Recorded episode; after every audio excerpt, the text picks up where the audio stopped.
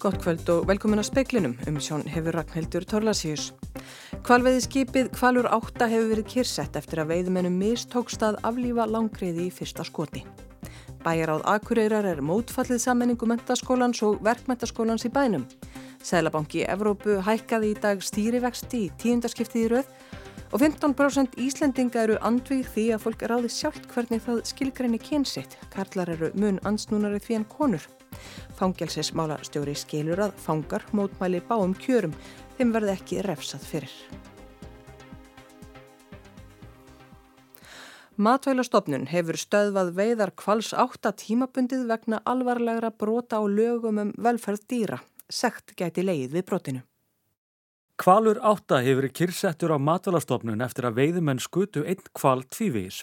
Samkvæmt verulega hertum reglum matvælaráþara þarf að skjóta kval tafarlust aftur ef fyrsta skot geigar. Fóstöri Mast, Hrönn Ólína Jörunsdóttir, segir að tölvert hafi liðið á milli skota. Og þá kemur ljós að frá því að fyrsta skutlið skoti dýrið, skutullin heitir dýrið illa dýrið drefst ekki samstundis og það verður tæpla hóltíma töf þar til að dýrið er skotið aftur. Eh, það talir við vera mjög alvarlegt út frá nýri reglugjara, út frá lögum velferð dýra og við á þeim grundöldu stöðu við tímapundið veiðar kvals átta. Eftirlitsmenn fiskirstofu skiluðu marst skýrslu og var ákvörðin tekin um að kyrsetja skipi þrátt fyrir mópmæli kvals HF. En hvað þarf fyrirtæki að gera til þess að skipi geti haldið aftur til veiða? Þar til að eh, fyrirtækið hefur þá framkvæmt rótagreiningu á því hvað fór úrskeiðis og geti innleitt það úrbætur þar til þess að þetta gerst ekki aftur. Veiðar verða því ekki hafnar á ný fyrir en slík greining fyrir fram og úrbætur eru gerðar. Þá þarf mast einni að samþykja slíkar úrbætur. En við aflitum ekki þessar stöðun fyrir við erum búin að sannreina þessar úrbætur og gangaðu skugga um það að fyrirtæki búið að bregðast við eins og við teljum að þurfa að gera. Að auki þarf fyrirtækið mögulega að greiða sekt vegna brótsins. Það er mögulegt að sekta fyrirtækið, það er ekki búið að taka ákvörðinu um það, það er bara til rásónar. Saðir henn Ólína Jörundsdóttir, Valur Grettisson tók saman. Bæjaráð Akureyrar er alfarið á móti saminningu framhaldsskólana í bænum og telur hana óábyrga. Fyrirætlan eru mögulega saminningu mentaskálans og verkmentaskálans og Akureyri hafa víða fallið í grítan jarðveg. Bæjaráð Akureyrabæjar ályktaði málið í dag og var meiri hluti þess alfarið að móti saminningu Emma og Vafema. Saminningin sé óábyrg á þessum tímapunkti og miða við þær fórsendur sem lagðar eru fram í skýrslunum sem byrt var í síðustu viku.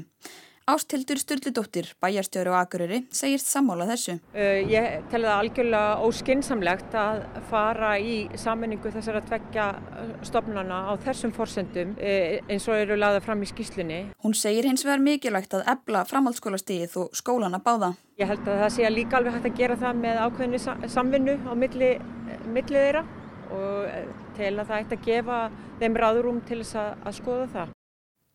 Saði ástildur Sturldóttir, Rebekka Líf Ingadóttir saði frá. Algjört kerfis raun varði rafðorkukerfi Nýgerju fyrir dag þegar að eldur kviknaði miðlagri flutningslínu um tíma stöðvæðist rafðorkuframleistan í landinu alveg um 180 miljónir búa í Nýgerju sem er fjölumennasta land Afríku. Viðtækt ramasleysi sett ímsa innviði úr skorðum og viða um land þurftu fyrirtæki og stopnanir að loka um tíma. Síðdeis var rammagsframleysla hafin á ný en hún er enn sem komið þér innan við fjórðungur af því sem hún, sem hún er venjulega. Algengt er að rammagn fara af heilu borgónum í Níkaríu, raforkukerfið hrundi fjórum sinnum í fyrra. Bjarni Felixson, fyrverandi íþróttafréttamaður Ríkisútvarpsins er látin, hann varð 86 ára. Arnar Björnsson. Bjarni leik knastbyrjunu með káar og var fimm sinnum Íslandsmestari og sjö sinnum byggarmestari með liðinu sem hann bar alltaf sterkari tögar til. Þá leik hann sex landsleiki fyrir Íslands hönd. Þegar útsendingar hófust hér á landi frá ennsku knastbyrjunni var leitað til Bjarnar sem hafi fylst með íþróttalýsingum breska útvarpsins í mörg ár. Hann vann hjá ríkisútvarpin í rúma fjóra áratögi og fekk fjálmargar viðurkenningar fyrir störsín, fólka orðun á nýjástægi fyrra, var heiðraðar af alþjóða olimpíunendiri fyrir fjölmennastörf, aukviðurkenninga frá mörgum sérsamböldum Íþróttasambands Íslands. Hann var ódegur barátumadur fyrir að sína frá Íþróttaviðbörum í sjónvappi, stundum of mikill að dómi yfirum hann að hans hjá ríkisútarpinu. Hann kallaði mig á fund og sagði, hörðu Bjarni, þetta gengur ekki að vera elda þessar íþróttir út og söður, öll kvöld og allar helgar getur ekki talað við íþróttaringuna að, að þeir haldi bara mótinn á miðjum degi á vinnutíma. Nei, sagði ég, ég kemur ekki til mála, þú verður þá að gera það. Bjarni lest í Kaupanhöfni í morgun og ætlaði að fylgja stórvinni sínum Finn Hæner sem lengi var íþróttastjóri danska ríkisútarfins til gravar í dag. Eftir levandi eiginkona Bjarni er Álfeyður Gísladóttir, börn þeirra eru fjögur og barnabörn og barnabarnabörn fjórtán. Á laungum ferdi lísti Bjarni fjölmörgum kapleikjum bæði heima og erlendis.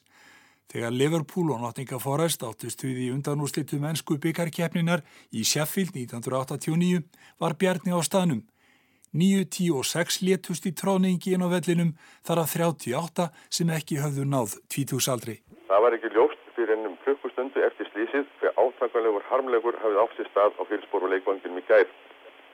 Og það var átakanlegt fyrir mig og aðra íþróttafréttamenn að vera vittni að þessum atbörðum.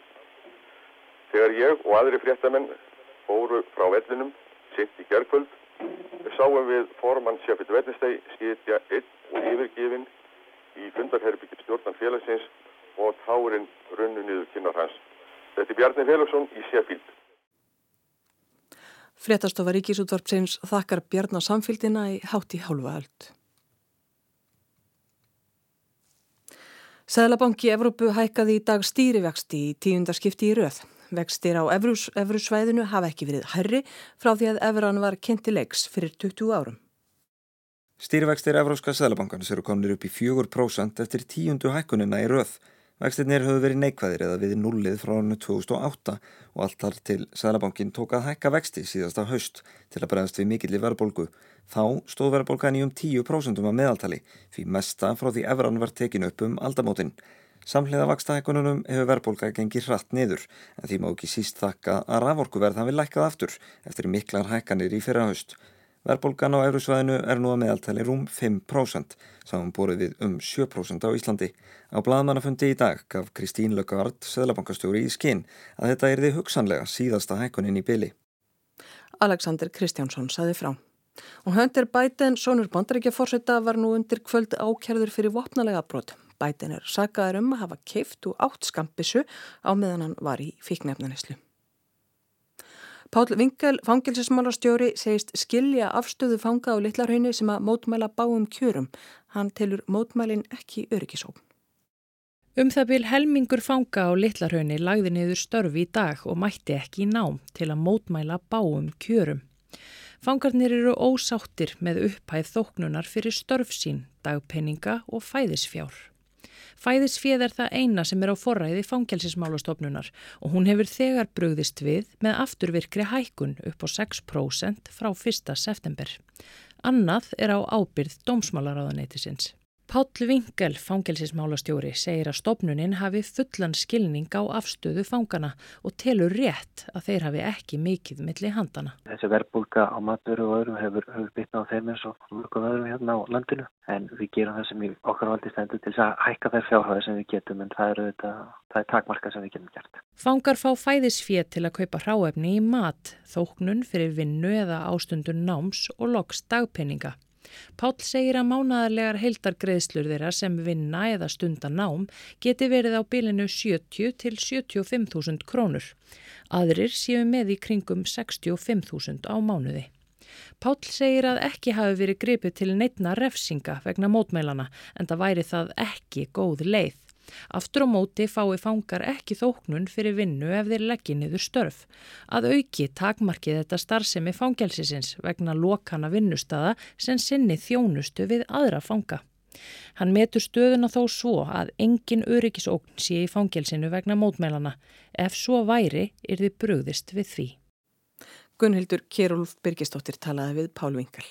Samanuðu þjóðurnar óskuði í dag eftir rúmlega 70 miljónum dollara, hátt í 10 miljörðum króna til hjálparstarfs í Líbíu eftir að óveðurslæðin Daniel allir stórtjóni þar í byrjun vikunar. Borgin Dærna í austurhluta landsins var verst úti. Abdul Menam al-Gahidi, borgarstjóri áætlar, að um 18 til 20.000 manns hafi látið lífið þegar tvær stiplur í nánd við borgina brustu og vatn fossaði um hana. Það er um það byrj einn af hverjum fimm íbúum borgarinnar.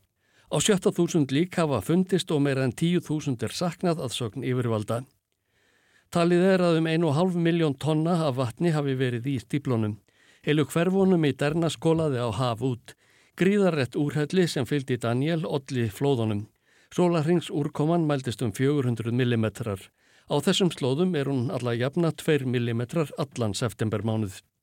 Petri Talas, yfirmaður alþjóða veðurfræðistofnunarinnar telur að hægt hefði verið að bjarga flestum í derna ef veðurstofan í Líbíu hefði verið starfhæf.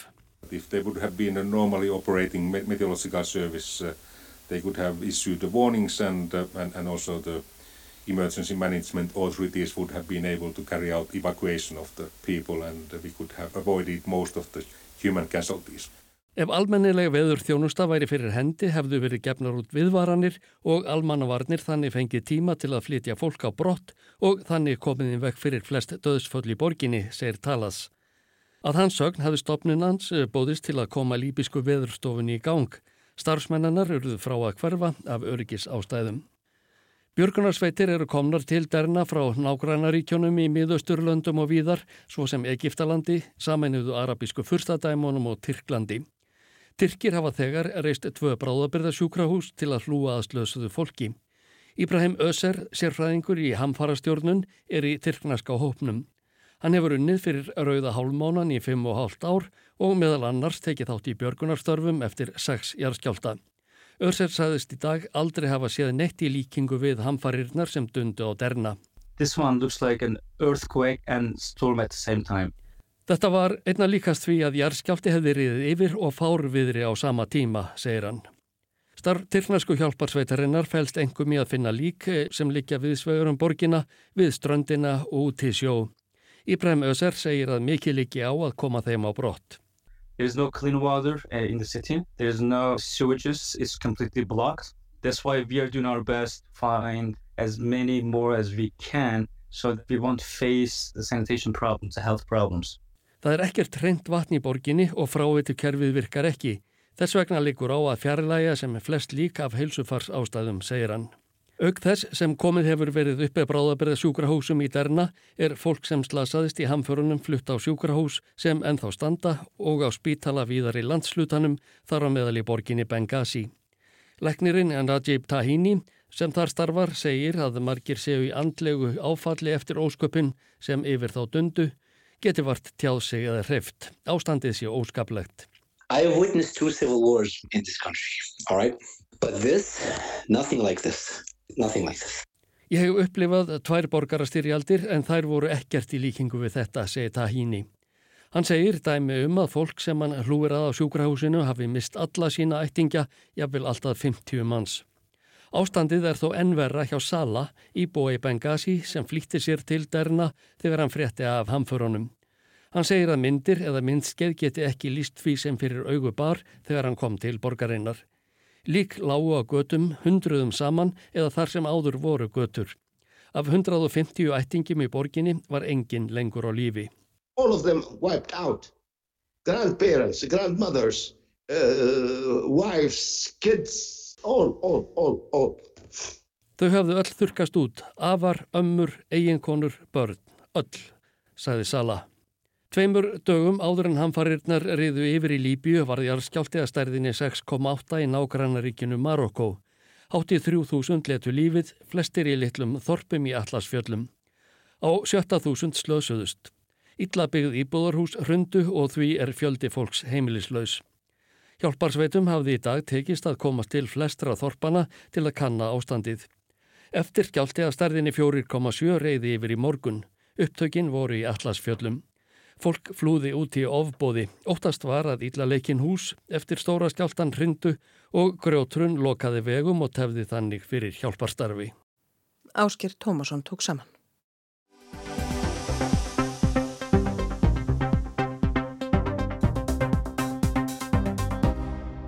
Íslendingar upplifa í auknum mæli, hatursfull ummæli, einelti, áreiti eða hótun á ofbeldi á netinu. Þetta kemur fram í skýrslu sem fjölmiðlunemt byrti fyrir í ár og sjámátti greinlegt stökkamilli ára.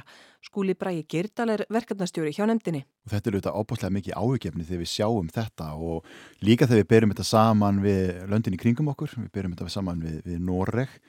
Upplifun að hatursfullum ummælum er að mæla 7% í Noregi mæltist ég fyrir að 24% hér og svo 30 og 1,5%. Þetta er þetta alveg ofbóstluðu munur og, og maður fyrir að velta fyrir sér hvað er þetta? Er þetta svona miklu meira hatri í íslensku samfélagi í samanburði við Noreg eða eru við að leggja aðeins annan skilning í þetta?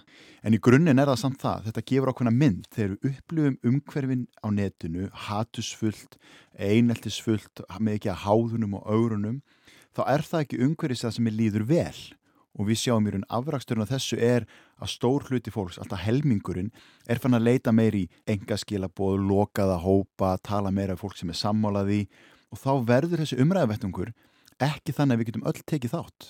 Og við erum farin að sjá það að það er bara þá brot af fólki sem stýrir umræðinu rittarar liklaborðsins eru mjög háværir og það hljóð, þessi hávæði frá þeim yfirgnæfir aðra. Þannig að þröngur hópur getur haft mjög mikil áhrif. Mjög mikil áhrif og, og mjög fljótt og fljótt að taka undir komment frá hvort öðru og ummæli hjá hvort öðru.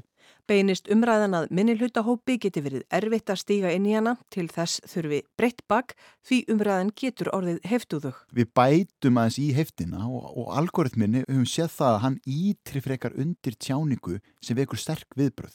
Það eru þau komment sem fljúa hæst á samfélagsmiðlum. Undanfariði raug upp umræða um kinnfræðislu í skólum. Fullirt var á netinu að samtökin 78 segju um kinnfræðislu í grunnskólum sem er ránt. Samtökin veita fræðislu um hvernig sé vera hins einn og hvert sé hægt að leita eftir aðstóða stuðningi. Forsvarsmenn samtakana segja þetta sé ekki fyrsta sinn í ár sem svona umræða blossi upp og samtökunum sé borið ímislegt ógeðfelt á brín. Er þetta ekki dæmi um upplýsingaóreiðu skóli? Aðtiklisbænið okkar nær svolítið skamt í, í umræðinu við erum fann að fá brot úr fréttum við erum fann að leita og sjá það í rannsóknu okkar frekar í fjölmjöluna sem eru sammál okkar skoðunum. Við erum leitum í minnamæli að skoða fleirin einn fjölmiðil og þá verður umræðin þannig að það eru svona brot úr umræðu tekin. Við erum ekki að diffka nefndilega mikið með tölum eða staðrendum það er kannski tekið brot úr og það flýgur hátt og svo fara, fara hópatnir að ræða kannski bara um hluta sem er kannski tekin úr, úr samengi eins og við sjáum í, í þessar umræðu sérstaklega. Og ekki endilega þú veist sérfræðingarnir sem að fá að fljúa hæst eða þeir sem er að benda á staðarendir málsins, það eru kannski þeir sem eru háarastir sem eru fá mest plássið í umræðinu inn á netinu. Og maður verður ringlaður hvert á ég að leita eftir upplýsingum þegar við erum viðkvæm fyrir og við höfum séð þetta þegar það er stríð, þegar það er COVID, þegar kemur eitthvað svona í, stertin í umræðina þá eru við að leita eftir einhverju vissu, við fyrir að leita í upplýsingar. Þeir í tristi ekki upplýsingunum sem fyrir eru, það er eitthvað vantröst á fjölmiðla, á stjórnvöld á domstóla eins og við sjáum í okkar rannsóknum. Þá fyrir frekar að trista fólki sem geta verið sannfærandi, sjarmerandi áhrifavaldar eða bara kunninga mínir. Og það er ekki umræðan sem byggist á veist, góðum grunni, það er ekki dýft í þeirra umræðu, hún er grunn Í könnun fjölmiðla nefndarum upplýsinga óreiðu og skautun var spurt um afstöðu landsmanna til þess að fólk réði sjálft hvernig það skilgrendi kynsitt. Niðurstöðnar voru áhugaverðar. Já, við spurðum líka bara um alls konar hóp í samfélaginu, hvort þið mislíkja ákveðinir hópar og, og við sáum að það var aðalega grundvelli skoðana sem fólk mislíkar hópar í samfélaginu okkar, ekki trú eða kyn eða þjóðverðni. Sáum að þetta var rúm 5% til dæmi sem að mislíkaði mjög trans En svo spurðum við líka sem bakgrunnsbreytu, ertu hlindur eða anduð því að fólk ráði sjálf hvernig það skilgreini kynsitt? Og það voru 15% sem voru fremur eða mjög andvík því. Og ma maður veldi fyrir sér, við erum tilbúin að hafa mjög sterkar skoðun á því hvernig aðrir skilgreina sig eða eh, hvernig þeir, þeir ráði sínu eigin kyni. En erum kannski ekki þarna tilbúin að segja okkur mislíki mjög þessu hópur. En þegar þetta er mjög svona skoðun í, í grunninn og svo kemur upp umræðin sem við erum að sjá núna, þá kannski er ég tilbúin að hoppa á þennan vagn, taka þátt í henni ég fann að sjá þessi brotur umræðinni um einhverja innrætingu hérna í skólakerfinu og, og, og slíkt þá koma þessar skoðanir upp á yfirborðið. Og spáum aðeins í niðurstöðuna. 64,5% landsmanna eru fremur eða mjög hlind því að fólk geti ráðið því sjálft hvernig það skilgreinir kynsitt. 21% á nokkuð sama. 14,5% eru fremur eða mjög andvig því. Karlar eru almennt andsnúnari því en konur. 22% karla eru fremur eða mjög andvegir því að fólk skilgreini kynsitt sjálft. 6,4% hvenna. Almennt verða karlar ansnúnari eftir því sem að þeir eldast og íbúar á landsbyggðin eru andvígari en fólk á höfuborgarsvæðinu. Svo er fylgni á milli mentunar og afstöðunar eftir því sem að mentun eikst dregur úr andstöðu. Um 7-8% þeirra sem að hafa háskólamentun eru frekar eða mjög ansnúnir því að fólk geti skilgrind kynsett sjálft. Í dag byrti fjölmeilanand skýrslu um tröst í íslensku samfélagi. Niðurstaðan er að aðeins í kringum 30% treysta stjórnvöldum, fjölmeilum og domstólum. Tröst á uh, stjórnvöldum, fjölmeilum, domstólum er á svipum stað og tröst til ókunnus fólks út á götu. Og þegar að, mér það er hátt tröst er að mælast almennt hér á Norðurlöndunum, en þegar að, einmitt, tröstið er, er, er lágt, þá erum við viðkvæm fyrir upplýsinga óreiðu og þannig að það er mjög mikið undir fyrir okkur hér. Þegar ég trist ekki dómstólum þá er ég viljuri til þess að dæma fólk og útiloka í umræði bara netinu, án dóms og laga. Þegar ég trist ekki stjórnvöldu til þess að gríp inn í, þá verð ég að vera réttari réttarlæti sinn sinn á uh, samfélagsmiðlum og þegar ég trist ekki fjölmiðlum, þá verð ég að vera bóðberi sannleikan sinn á, inn á netinu og, og hérna, koma mínum skoðunum á, á framfæri. Þetta er auðvitað mjög hættulegt, sérstaklega þegar við erum núna orðin opbáslega þreytt í öllu þessu flóða upplýsingum sem eru netinu og svo horfum við á skýslu Europol það sem á næstu tveimur árum erum við að fanna að horfa á kannski að 90% af öllu efni á netinu verið gerfigreindarunnið efni. Hvernig ætlu við að synda þegar að svo flóðbylgja skellur á okkur með öllu því sem hún með skólaland? Sagði bræ, skúli Bræi Girdal.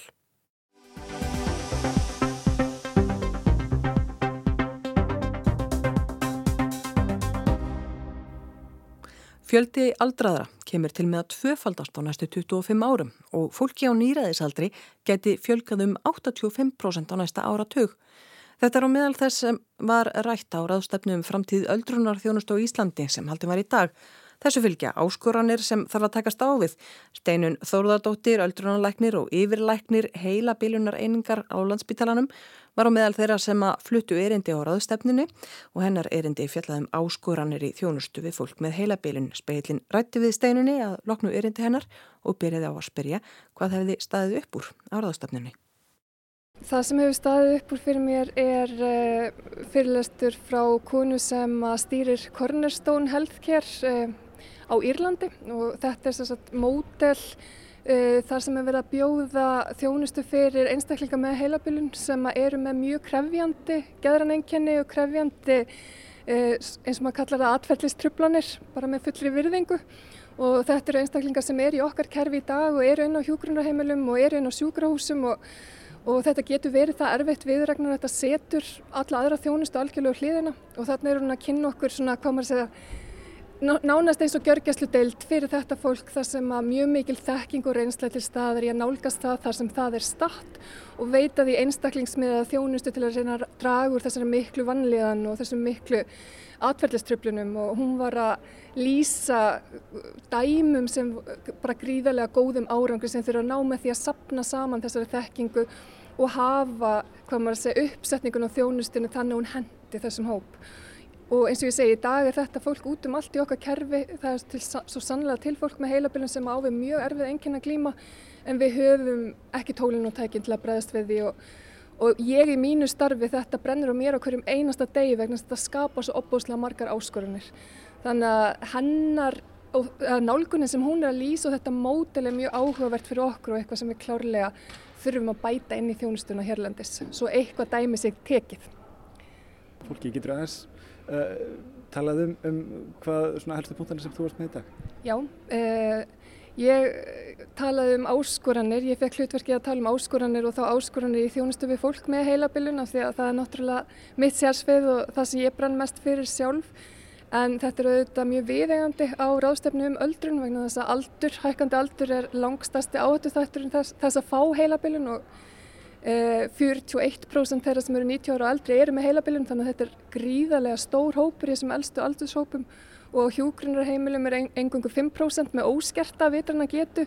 Og það er mjög oft út af skerðingu á vitrandi getu og heilabilun sem fólk fer inn á hjúgrunarheimili sem er náttúrulega dýrasta, þingsta úrræði sem við höfum að bjóða í kerfinu.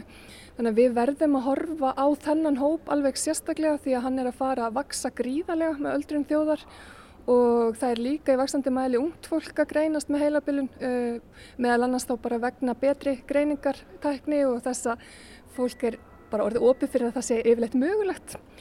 Þannig að við höfum engin úrræði sértak fyrir yngra fólkið, okkur vantar það, okkur vantar miklu meiri stuðning við aðstandendur. Uh, það er gríðarlega byrðar sem aðstandendur hérlendis uh, bera vegna skorst á samfelli og samvinnu í kerfinu. Þannig að það voru svona þessi þættir sem ég var að leggja áherslu á að þetta eru áskoraninnar, ég fekk ekki að tala um lausnir í mínu erindi, en við verðum auðvitað að vera mjög uh, skapandi í hugsun að við ætlum að mæta þessu. Getur þú aðeins talað um já, þær lausnir sem hafa verið sem hefur verið talað um hér og, og um þú fyrst ekki að tala um lausnir sjálf mm. ég ætla að bjóða þér að gera það núna Hva, hvernig, hvernig getur við tekist á þetta? Já, það var erindi Berglind Magnúsdóttir sem er verkefnastjóri í hérna Eldumst betur, uh, verkefni heilbreyðs og félagsmálaráðuneytisins sem er náttúrulega ótrúlega stort skrifi rétt átt á mínu mati. Hún var að kynna lausnir sem að koma í gegnum þá aðgerrar áallun og meðal annars þá að nýta velferðartekni í meiri mæli en á sama tíma án þess að dragur þeirri nánd sem fólk þarf að fá af því að hitta annað fólk. Þetta er það áskurinn en við verðum að taka tækni og gerfugreind og allt þetta í okkur þjónustu til að fylgjast betur með fólki og, og einmitt einstaklingsmiða okkar nálgun meir en við gerum í dag og svo þurfa kerfin að tala meira saman. Það hefur verið ákveðið gjá á milli félagsstjónustunar og þess, þess sem kallast heilbreyðistjónusta og fólk hefur upplifað að því finnst að vera í lausu lofti og það veit ekki hvert á að leita þannig að það hefur verið að vinna því að samhæfa þetta og hafa meiri miðlega stýringu svo þú gangir bara inn í eitt kerfi sem að haldi utanum þig frá upphafi til enda og þróist þá í rauninni bara með þér og þínum þörfum. Þetta er eitthvað sem okkur vantar og við þurfum miklu meira púður í hvað maður að segja, þessi léttari úrræði, heima þjónustu, heima hjúgrun, dagþjálfanir, meiri sveigjanleika á þessum sviðum og auðvitað þurfum við að leggja áherslu líka á forvarnir, að reyna að halda fólki virku lengur og það var til dæmis talað um þessi bláu svæði hérna aðeins fyrir í dag. Eh, það eru nokkru staðir í heiminum, hafa margir heyrt af þessu þar sem fólk lifir mjög lengi og það eru auðvitað hreyfing og mataræði mjög mikilvæg en það er líka félagsleg tengsl og finnast maður tilheyra og hafa tilganga. Þetta er alltaf einhverju hluti sem við þurfum að huga að. Að við viljum auðvitað fólk eldist og það lifi lengur en við viljum líka að fólk eldist vel og þetta sér góð ár sem maður getur nútið sem er verið að bæta við lífslengdina. Nú hefur þetta verið þitt sérsvið í nokkur tíma og, og, og þú hefur verið ábyrgandi umræðinni um öldrun og, og tengda hluti. Finnst þér umræðan eitthvað hafa breyst og þróast uh, á síðust árum?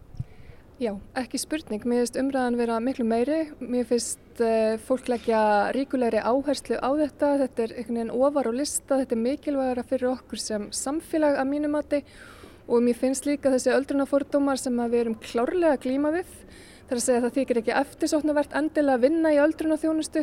Ég man á sínum tíma því ákvaði að vera öldrunarlæknir þá voru sumið sem hugsaði býtu akkur ekki bráðalæknir, eða hjertaskurlæknir akkur öldrunar? En mér finnst þetta aðeins vera að breytast og þetta er náttúrulega eitt af okkar verkefnum að gera sko, störfinan þess að gera sem verður mjög mannfrekur í framtíðinni eftirsóknarverk og líka dragur þessum fordómum og búa vel að starfsfólkinu sem að er að sinna þessum störfum. Það er likillin til þess að við getum gert þetta vel áfram og eins og segi laða fólk inn í þessi verkefni sem við svo sannlega þurfum á að halda. Þetta var Steinun Þorðardóttir, Pétur Magnússon rætti við hana.